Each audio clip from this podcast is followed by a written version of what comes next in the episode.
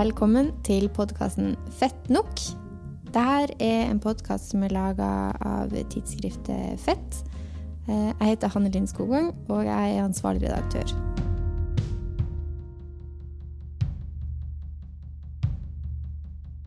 I denne podkasten kommer vi til å ta opp både aktuelle og evig aktuelle tema for feminister og for feminismen. Og i denne episoden skal vi prate om oppvekstlitteratur i by og bygd.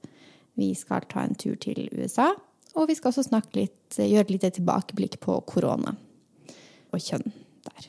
I dag i studio så har jeg med meg Mari Lilleslåtten og Eira Ingersdatter. Hvordan går det med dere? Det går bra. Mm. Alt tatt i betraktning. Ja, det er godt.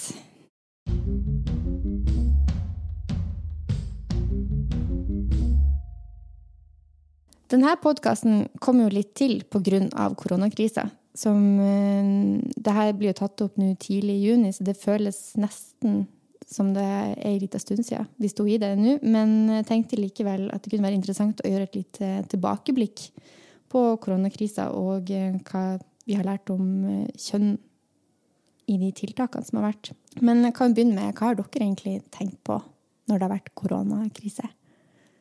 Hmm. Jeg har tenkt på at jeg ikke er sånn superessensiell for samfunnet. Jeg er viktig akkurat på min jobb, men eh, jeg var ikke på den lista til Stortinget da, over essensielle funksjoner. Jeg har ikke reddet noen liv i koronakrisen. Nei, jeg, jeg er enig. Jeg har heller ikke følt meg så veldig essensiell, men eh, jeg har jo jeg har hatt mye tid til å tenke. Jeg har eh, følt meg veldig privilegert, både fordi at eh, verken helsa eller jobben min har vært utsatt pga. Eh, korona. Mm. Mm. Men selv om vi kanskje føler oss litt uviktig her vi sitter, så har det jo skjedd veldig mye viktig, og det kan vi jo skjenke en tanke til. Eh, for en ting som har blitt tydelig i denne krisa, som i de fleste andre kriser, er at det rammer menn og kvinner forskjellig.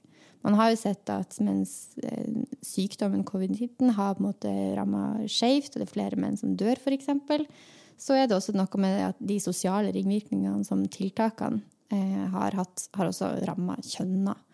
Og eh, det har vært ganske mye snakk om hva som har skjedd med abortsaken i f.eks. Polen og i konservative delstater i USA, der man har på en måte mm, ja, i realiteten egentlig innskrenka aborttilbudet kraftig. Eh, det er på en måte én konsekvens. Men jeg eh, tenkte det kunne vært interessant å ta en tur litt sånn utafor de landene vi snakker mest om. Eh, og der har du, Mari, gjort litt research. Ja, eller jeg har merka meg i hvert fall et, et fenomen, eller et et veldig kjønna tiltak for å begrense smitten. det er jo I mange land har man jo innført portforbud for å begrense når folk kan gå ut, men i noen land i Latin-Amerika så valgte man også å lage regler basert på kjønn, og det var da i eh, Peru, eh, Colombia, eller i hovedstaden Bogotá bare, og i Panama, så innførte man da egne dager for kvinner og menn. At det var sånn at eh, på noen dager kunne kvinner gå ut, og andre dager kunne menn gå ut. Det tok ikke så veldig lang tid før Peru endra på det, og også i Bogotá så ble det gjort om på etter en liten stund. Og nå er det også eh, slutt på denne ordningen i Panama. Men eh, jeg syns dette var eh, interessant å se hvordan kjønn kom inn som en sånn naturlig måte å dele i to, på en måte. Men altså, åssen har det funka i praksis? Har de fått beskjed fra myndighetene om at ja, alle damer, nå er det mandag onsdag og fredag som gjelder, eller? Ja, det, da, det, har vært damenes dager i Panama å gå ut på mandag, onsdag, fredag. Og det får jo de konsekvensene at hvis det f.eks. er sånn at kvinner har ekstra ansvar for å handle inn og lage mat, så er det kvinnene som eh, kommer tett på hverandre på supermarkedet og er ekstra eksponert da, f.eks. Hmm. Det får meg også til å tenke litt, for vi vet jo òg at det fins flere enn to kjønn, og at det finnes mennesker som ikke definerer seg kanskje som verken mann eller kvinne, de er ikke-binære, eller at de kanskje ikke passerer nødvendigvis som det kjønnet som de identifiserer seg som. Så um, kan se for meg at det fort førte til litt forvirring akkurat der. Mm, ja, og det, det, har absolutt vært et tema i, i, Panama. Og transmiljøene der var tidlig ute med å kritisere disse reglene. fordi hva, hva skulle de gjøre? Altså I og med at det er ganske Altså du kan enten bli arrestert eller få bøter hvis du bryter eh, portforbudet på feil dag, da. Eh, og eh, det er ikke sånn at det er et, hyggelig møte med politiet i Panama hvis du er en transperson, nødvendigvis. Så det har liksom vært bekymring for at det bare blir et påskudd for å trakassere og arrestere transpersoner. Og i og med at Panama er et av veldig mange land som ikke lar deg skifte kjønn juridisk, så, så er det et problem hvis du i dag følger det som står i kortet ditt, men har et annet uttrykk, da. Men nå, i hvert fall nå, så ser det annerledes ut i Panama fordi at eh, de har endret disse karantenereglene. Nei, det er interessant å se hva man gjør på ulike kanter av verden. Eh, jeg tenkte òg vi kunne prate litt om hva som har skjedd i Norge. Og en ting som det har vært mye snakk om, er jo hva som skjer når vi blir nødt til å være så mye hjemme. Og særlig hva som skjer med vold i nære relasjoner. Mm. Ja, fordi et eh, vanlig mønster under kriser, enten det er eh, en som vi har vært igjennom nå, eller andre typer kriser, er at eh, partnervold, da, altså konemishandling om du vil, øker. Ja, for nå er vi jo litt på andre siden av koronakrisa, så nå har vi vel fått litt informasjon om hvordan dette har gått? Ja, det er i hvert fall litt. Det er jo ikke så mange uker siden Norge åpna opp, egentlig, selv om det kanskje føles sånn iblant. Men for noen uker siden så maila jeg i hvert fall med Vanja Sæter, som er daglig leder på krisesenteret i Salten i Bodø. Og eh, da snakka hun om at hun følte at det var litt sånn stille før stormen på krisesenteret der. At det var litt, litt, mindre trykk. For det har man sett i hele Norge, at det har vært litt sånn mindre aktivitet på krisesentrene. Og så har man bekymra seg veldig for hva som foregår uh, i hjemmene. Men eh, det har vært litt vanskelig å vite. Eh, og det hun trodde, var jo, som du sier, at ofte så øker volden i krisesituasjoner, så var veldig forberedt på at trykket kommer til å åpne, til å, til å øke når eh, samfunnet åpner opp. Og det er jo det vi har sett at skjer nå også. Fordi nå har Norge vært åpna opp i et par uker, og eh, antallet folk som strømmer til krisesentrene, har stabilisert seg. Og det vi også ser, er at volden har blitt grovere. Mm, det er anmeldt mer og mer alvorlig mm. vold. Og så er det jo også, eller for det er um, altså forskere og liksom fagfolk på dette feltet har jo på en måte stått og ropt om dette i noen måneder, at dette er noe å følge med på. Men nå har de jo også en del resultater eh, av forskning eh, som jo viser nettopp det. At uh, det har ikke skjedd så mye på krisesentrene, men de har prøvd å være i, kontakt med de som trenger hjelp. Det er jo ikke alle som vet at krisesenteret er hjelp som er tilgjengelig, men noen tar kontakt.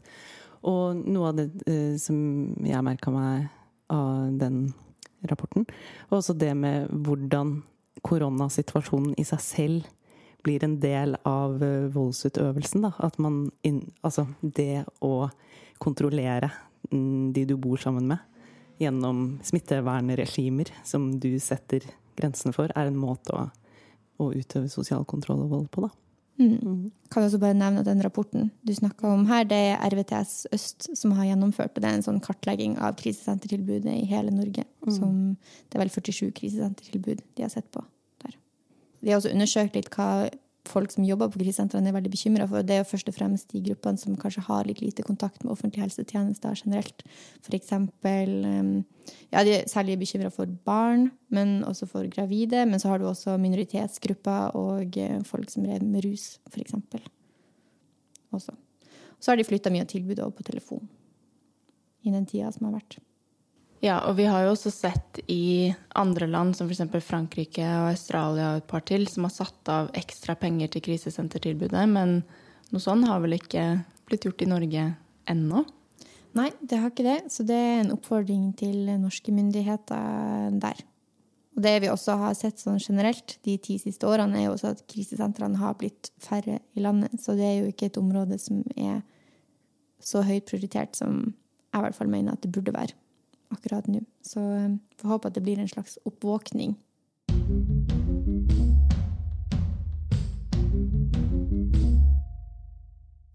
tenkte vi skulle ta en tur til USA, der det skjer forferdelig mye akkurat uh, nå. Det har vært uh, opptøyer og demonstrasjoner i mange dager i forbindelse med drapet på George Floyd, og Black Lives Matter-bevegelsen er veldig aktiv. Det har også vært demonstrasjoner her i Oslo. Um, og det som i hvert fall har blitt helt åpenbart, er at det har blitt helt prekært å bli kvitt Trump i Det hvite hus. Uh, og um, Men det som også er litt trist, er jo at alternativet ikke er optimalt. Og jeg tenkte vi kunne snakke litt om akkurat de metoo-anklagene som har kommet mot Joe Biden. Fordi selv om vi er nødt til å bli kvitt Trump, så er det fortsatt noen ganske interessante og vanskelige problemstillinger der for eh, oss feminister som har kommet mye opp de siste dagene. Ja, for jeg pleier å følge veldig mye med på USA og amerikansk politikk, egentlig. Men eh, de anklagene mot Joe Biden hadde gått meg hus forbi. Og det er vel kanskje litt symptomatisk på problemet, er at det blir jo ikke snakka om. Ja, det er akkurat det. Fordi først kom koronakrisa, som tok alt fokus mens det skjedde. Og så har på en måte eh, alt eksplodert de siste ukene spesielt. Men uh, si litt om hva er metoo-anklagene mot Joe Biden? Ja, takk, Mari. Det, mm, jeg skal prøve å gjøre mitt beste for å nøste opp i, i akkurat det. Eh, og en ting som vi i hvert fall kan begynne med, er at Joe Biden har lagt bak seg et langt liv i politikken allerede. Han har f.eks. vært visepresident under Obama. Han er nå demokratene sin presidentkandidat. Og eh, så har han også vært senator på 90-tallet. Og det er til denne perioden vi skal til nå, der han har blitt anklaga av et eh, medlem i staben hans for å eh, ha begått et grovt seksuelt overgrep. Og så er det jo også det at bare for et år siden så ble han også anklaga for åtte kvinner for upassende oppførsel. F.eks. malplasserte kyss på panna, lukting på hår, stryking på ryggen. Altså det er veldig underlig og rart og eh, problematisk, men ikke ulovlig. Men så har eh, Tara Reed, som også var blant disse åtte kvinnene, hun har anklaga han for å ha overfalt henne, mer eller mindre, i korridoren mens, hun, mens hun, de begge to jobba i Senatet. Og eh, jeg tenkte vi kunne rett og slett høre litt på et klipp fra, fra det. Og hun kom med disse anklagene på podkasten The Katie Helper Show. Eh, og jeg tenkte vi kunne høre litt utdrag derfra. Så kan jeg også bare si til våre lyttere at det er ikke noe hyggelig å høre på det i det hele tatt. Men det kan være fint å høre hennes egne ord likevel. Yeah, and then he went, oh, he went down my skirt, but then up inside it and he uh, penetrated me with his fingers, whatever. And um, I, uh, he was kissing me at the same time, and he was saying something to me. Det vi hører her, er jo at um, Terry blir overfalt i gangen, og han penetrerer henne mer eller mindre med hendene sine under skjørtet i gangen. Så det er snakk om et grovt overgrep. Ja, det er jo ikke hyggelig lytting, men uh, samtidig så har man jo også visst ganske lenge at Joe Biden er en gris. Ja, det er akkurat det. Og hun skal jo ha rapportert hendelsen allerede da den skjedde, altså i 1993. Men da brukte hun ikke ord som seksuell trakassering eller seksuelt overgrep. Men hun har rapportert uh, hendelsen allerede da, men den har visst forsvunnet. Og så har det jo uh, nå i løpet av våren, da, når saken har blussa opp, så er det jo fordi at hun har uh, fortalt hva som faktisk skjedde. Og så har det også kommet uh, eh, vitner til som har bekrefta hennes versjon av saken. Eh, blant annet så har det jo dukket opp et klipp fra 1993, da dette skjedde, eh, som skal være et opptak av eh, moren til Tara Reed som ringer inn til talkshowet til Larry King for å eh, spørre hva man kan gjøre når man har hatt problemer med en fremstående senator og partiet ikke vil hjelpe deg. Ja. Og da ble det ikke sagt noe om seksuell trakassering eller overgrep, men da det klippet her dukka opp, så har de fleste koblet de tingene sammen. Ja, ikke sant. Så er det vel også noen andre som også bekrefter forklaringa hennes, av venner og søsken og så videre. Og eh, det som er nå, er jo at Joe Biden ligger an til å bli president, eller presidentkandidaten til Demokratene. Og han har fått endorsement av en rekke fremstående kvinner i partiet. Og um, akkurat det syns jeg er litt interessant. Fordi jeg skjønner kjempegodt at man har et behov for å samle partiet, bli kvitt Trump, selv om man ikke mener at Biden er en optimal kandidat. Men jeg syns òg det er litt interessant at noen av de veldig fremstående kvinnene har vært veldig sånn uttalt akkurat på seksuell trakassering, at de så lett ser gjennom fingrene på akkurat dette. Og det tok ganske lang tid før Joe Biden sjøl kom på banen og i det hele tatt konfronterte anklagene til Tara Reid. Og det syns jeg er problematisk, at ikke partiet engang har lyst til å iverksette en granskning av hva som egentlig har skjedd. Ja, og det gjør jo også at man gir våpen til den andre siden, hvis man velger å eh, se mellom fingrene på dette og ikke gjøre noe særlig med det. Så gjør det også at republikanerne får veldig mye de kan bruke i en valgkamp mot Joe Biden. Da. Så hvis eh, de hadde valgt å feie for sin egen dør først, så hadde jo ikke de republikanerne kunnet bruke det her mot demokratene og Joe Biden i en valgkamp. Mm. Det er akkurat det. det. Og det er så trist, syns jeg, for metoo-bevegelsen, fordi da framstår dette med seksuell trakassering litt sånn som anklagen hele tida har vært, at det er på en måte sånn populistisk måte å angripe motkandidatene på, og så går de i den samme fella sjøl. Det er litt sånn det framstår for meg fra utsida. Og det syns jeg er både trist sånn på vegne av metoo-bevegelsen og for demokratene sin del. Fordi jeg syns jo at det er et viktig politisk spørsmål også.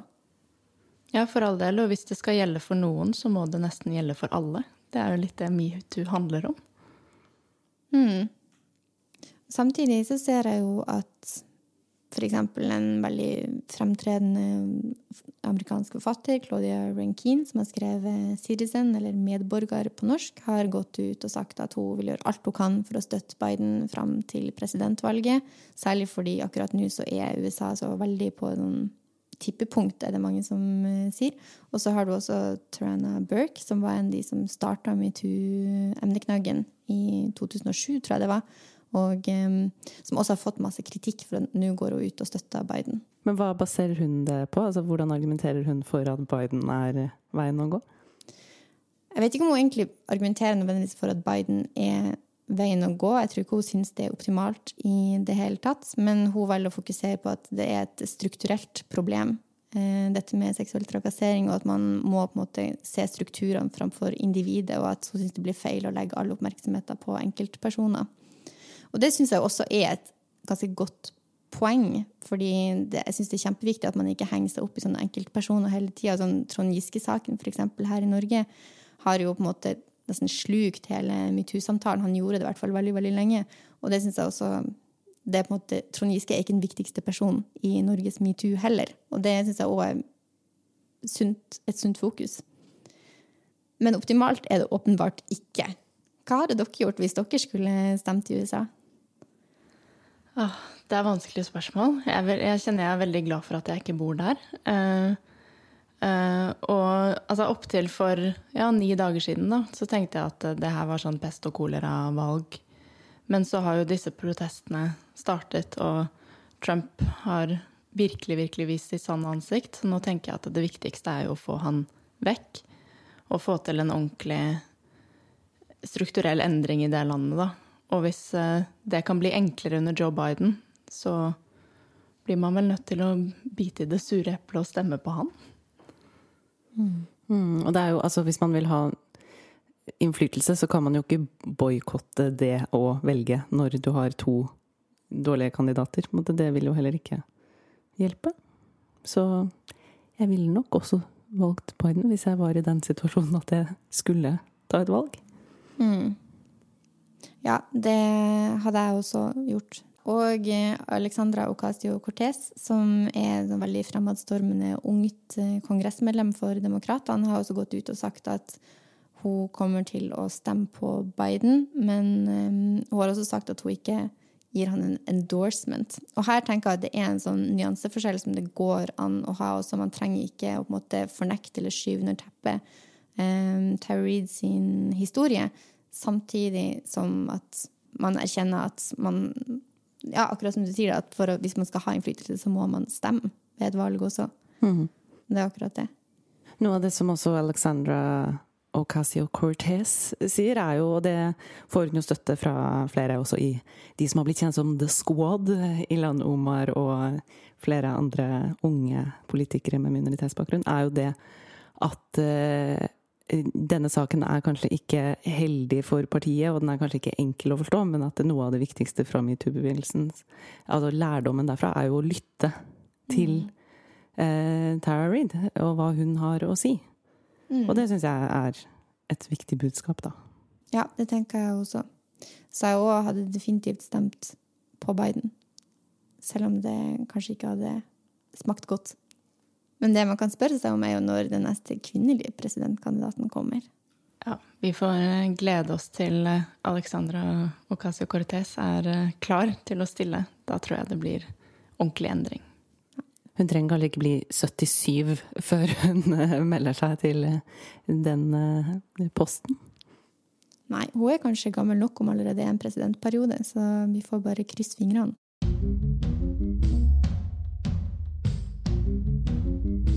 Nå skal vi prate om noe ganske annet. Vi skal til litteraturen. Eira, du er jo en av de største lesehestene både i Fettredaksjonen og som jeg kjenner, tror jeg. Kan ikke du take it away?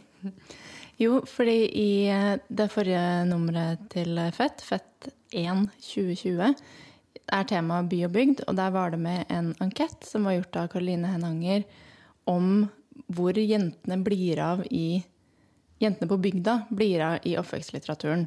Og har spurt masse forfattere og bibliotekarer og kritikere om det. Um, og det bare syns jeg er interessant å snakke om og tenke på. Fordi når jeg tenker på de tingene jeg leser, så er det, det er veldig lite bygd. Og det er veldig få jenter på bygda. Ja, det kan jo være interessant å snakke om med oss tre som sitter her. For da er vi jo både en representant for Eh, bygda. Eller jeg kommer fra bygda, og så er eh, Hanne fra Bodø. En passe stor by. Mm. Og så er jo du fra byen, eller drabantbyen. Mm, til og med. Mm. Ja, så det er god sammensetning for å diskutere det her. Mm. Og akkurat det med at eh, sånn, oppveksten på bygda har forsvunnet litt, er jo litt interessant også. Anne-Kat. Vestli har jo hatt eh, jubileum i år, og en ting som har blitt fremma som var litt sånn revolusjonerende, som hun gjorde, var at hun skrev om Ola Alexander Filip Bom Bom Bom, som nettopp bor i storbyen i et borettslag, i blokk. Og det er liksom morsomt, for der har det virkelig skjedd mye, da, på de årene som har gått siden da.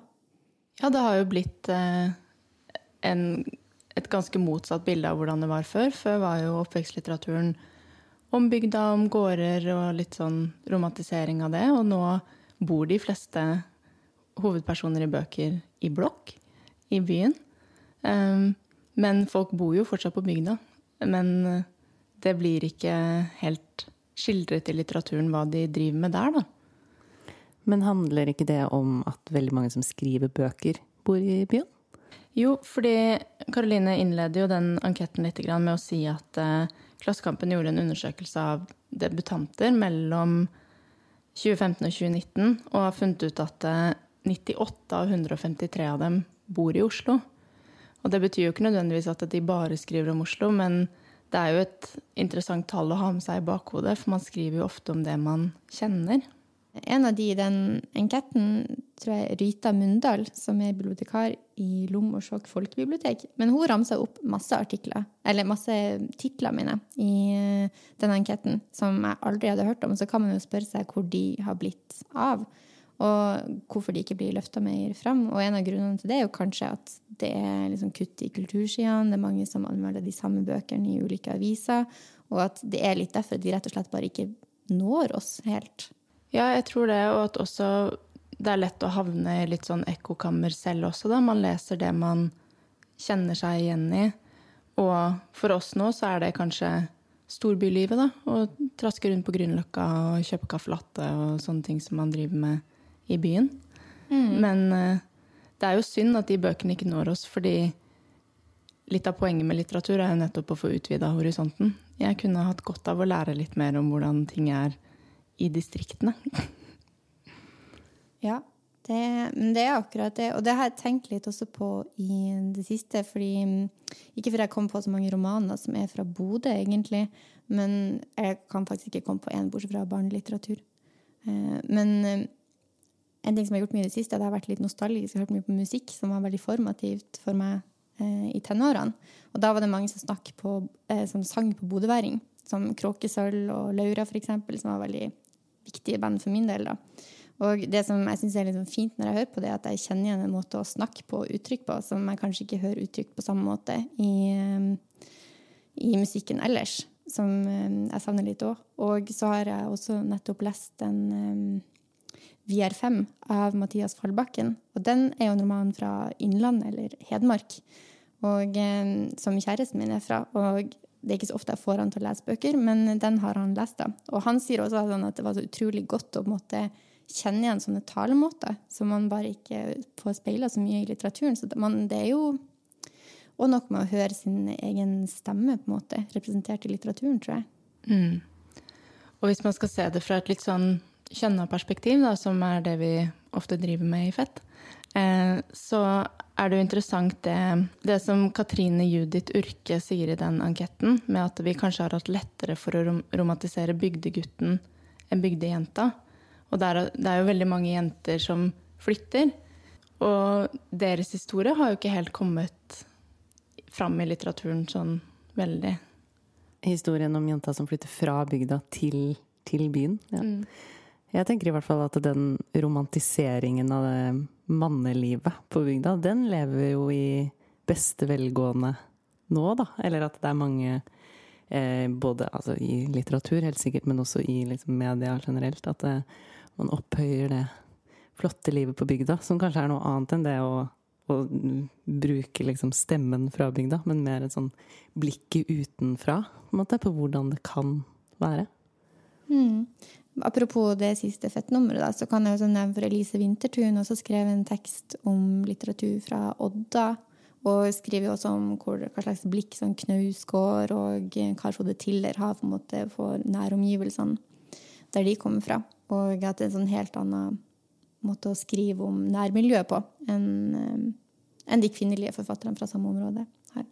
Og med Odda så er det jo interessant. Der har jo Marit Eikmo kommet med en bok i fjor, den 'Hardanger'. Og der er jo nettopp det perspektivet litt med, for det er en novellesamling hvor mange av novellene handler om nettopp kvinner som kommer tilbake på besøk da, til Hardanger og Odda, og hvordan deres syn på hjemstedet deres har endra seg. Så det er jo kanskje på vei inn. Hva, hva, slags syn har de? Nei, det er litt sånn at uh, Oi, er det sånn de gjør det her fortsatt? Eller ja, jeg husker jo hvordan han var, og her er han fortsatt og holder på. litt sånn, da. Men det er også en veldig sånn kjærlighet til stedet derfra. Det er en av novellene så er det en mor som har med seg datteren sin, og vi viser henne Hardanger, og datteren er ganske uinteressert. Og da blir moren litt sånn sur. Hun er sånn Det her er jo det beste kulturlandskapet, og det er så fint her, og kan du ikke liksom sette pris på det, da? Ja, det er så interessant, også fordi jeg kjenner vel igjen Nå er ikke jeg fra bygda, men fra en mellomstor by, kan man vel si. Og sånn, jeg husker særlig sånn i tidlig 20-årene så var vi veldig fornøyd med at vi ikke bodde lenger i Bodø, fordi da fikk man barn så tidlig, og da ble livet sånn og sånn. Og At man har en sånn veldig snever og liksom fordomsfull idé om hva slags liv de som blir igjen, har på, på bygda. Så jeg er veldig glad for at jeg har vokst litt fra det synet, for det syns jeg egentlig er litt sånn stygt syn på hva liksom, et skapende og meningsfylt liv er for noe, egentlig. Men det er kanskje nettopp de historiene fra de som ble igjen, som vi mangler litt. Da. For den tror jeg er veldig vanlig, det, det synet på de som ble igjen, som noen som at det er kjedelig eller det er liksom stagnert på en eller annen måte. Mens de som dro til byen, var der det kunne skje. Og det var der de kunne sette seg på en kafé og skrive en roman. Men jeg lurte på Jeg bare tenkte på det som du snakket om i stad, med beskrivelsen av Hardanger eller beskrivelsen av et sted. Hvis det handler om bygda, så må det liksom handle om stedet. Eller den, når du leser litteratur som er skrevet i byen, så tenker du ikke over at det, handler, at det skjer på Grünerløkka. Fordi det er liksom universelt. Mm. Mens når det skjer på bygda, så er det liksom en bygdeopplevelse. Ja, og det skulle jeg gjerne sett mer av bøker som foregår andre steder enn Oslo, men hvor det ikke er en stor greie. Jeg merker bare sånn hvis jeg leser bøker fra Bergen, hvor det er andre navn på gater og steder man alle i Bergen kjenner, det er jo helt fremmed for meg, og det tenker jeg burde egentlig ikke være det. da, At det også bare burde være universelt. Og at det er historien som har noe å si, da. Men det er jo så typisk. Det har man også sett med at man, hvis det er en person med minoritetsbakgrunn som skriver en roman, så blir det på en måte boksa inn som innvandrerroman osv. Så, så det er jo så utrolig typisk at um, det gjøres veldig partikulært, for å si det med Beauvoir. Mm -hmm. Ja, og det, det, trenger kanskje ikke å være så stedspesifikt heller. fordi mye av norsk samtidslitteratur så skjer det jo ikke så veldig mye. Det er jo folk som går rundt og føler og tenker og har forhold til mennesker rundt seg. Og det kan man gjøre hvor som helst. Det kan man gjøre på Grünerløkka, og det kan man gjøre i Odda. Akkurat det. Men en ting er jo om det er liksom noen sånn tendenser eller bevegelser, men er det på samme måte som når man ønsker seg flere minoritetsstemmer, så må man ofte gjøre noe litt aktivt for å faktisk få de på banen. Er det eh, du som kjenner litteraturlivet litt bedre enn meg, er det liksom tas noen grep for å få frem de stemmene som kanskje fins på bygda, men som ikke vi hører? Jeg tenker jo at det, det naturlige er da å gjøre litt det samme som man har gjort før når man ser at det er en gruppe i samfunnet som man ikke hører. At man må utvide horisonten, lete på andre steder og liksom legge fra seg litt skylappene man har på seg, med, i dette tilfellet inne i byen, da. Og ha tro på at det fins verdige historier overalt, da. Og så også markedsføre dem. Sørge for at de kommer ut, at, de, at folk vet at de fins. Mm. Og så tror jeg også det fins et uh, marked her, definitivt. For nå har vi jo allerede nevnt flere titler som nettopp handler om bygd. Mm. I, sånn at jeg tror at uh, interessen fins der. Mm. Og så er jo kanskje mange av de eh, damene da, som har dratt fra bygda som unge jenter, det er jo de som snart sitter i alle redaktørstolene i de store forlagene. Det kan jo også bidra litt? Ja, det krysser vi fingrene for. Ja, og vi kan jo oppsummere det egentlig med et sitat fra nettopp den eh, anketten som vi har snakket om, hvor Karoline skriver at eh, det er banalt, men det viser seg stadig nødvendig å understreke at alle typer erfaringer må synes i litteraturen, fordi den kan, i beste fall, vise fram en flik av hvordan verden egentlig er.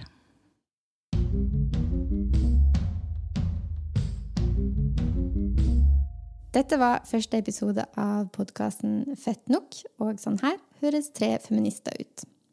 Produsenten vår er Eline Hystad. Musikken er laga av Anna Linn Berg. Logoen er tegna av Kjersti Johanne Barli. I podkastredaksjonen finner du Eira Ingersdatter, Mari Lilleslåtten, Jenny Schnaller, Mona Jibril, Eline Hystad og meg sjøl. Jeg heter Hanne Linn Skogvang. Vi er støtta av Fritt Ord. Det er vi veldig takknemlige for. Og vi ber også alle lyttere om å tegne et abonnement på tidsskriftet Fett, som kommer ut fire ganger i året, hvis du har lyst til å høre flere episoder av eh, dette. Det neste nummeret vårt skal handle om tekstil. Tips gjerne en venn om podkasten og om tidsskriftet vårt. Og skriv gjerne til oss på Facebook eller Instagram eller på mail redaktør.fett.no hvis du vil mene noe om podkasten eller bladet eller innholdet i det du har hørt. Neste episode så skal vi prate om Saudi-Arabia, p-piller og serien Insecure. Og da kommer Mona Jibril og Mari Lilleslåtten i studio. Sammen med meg. Vi høres.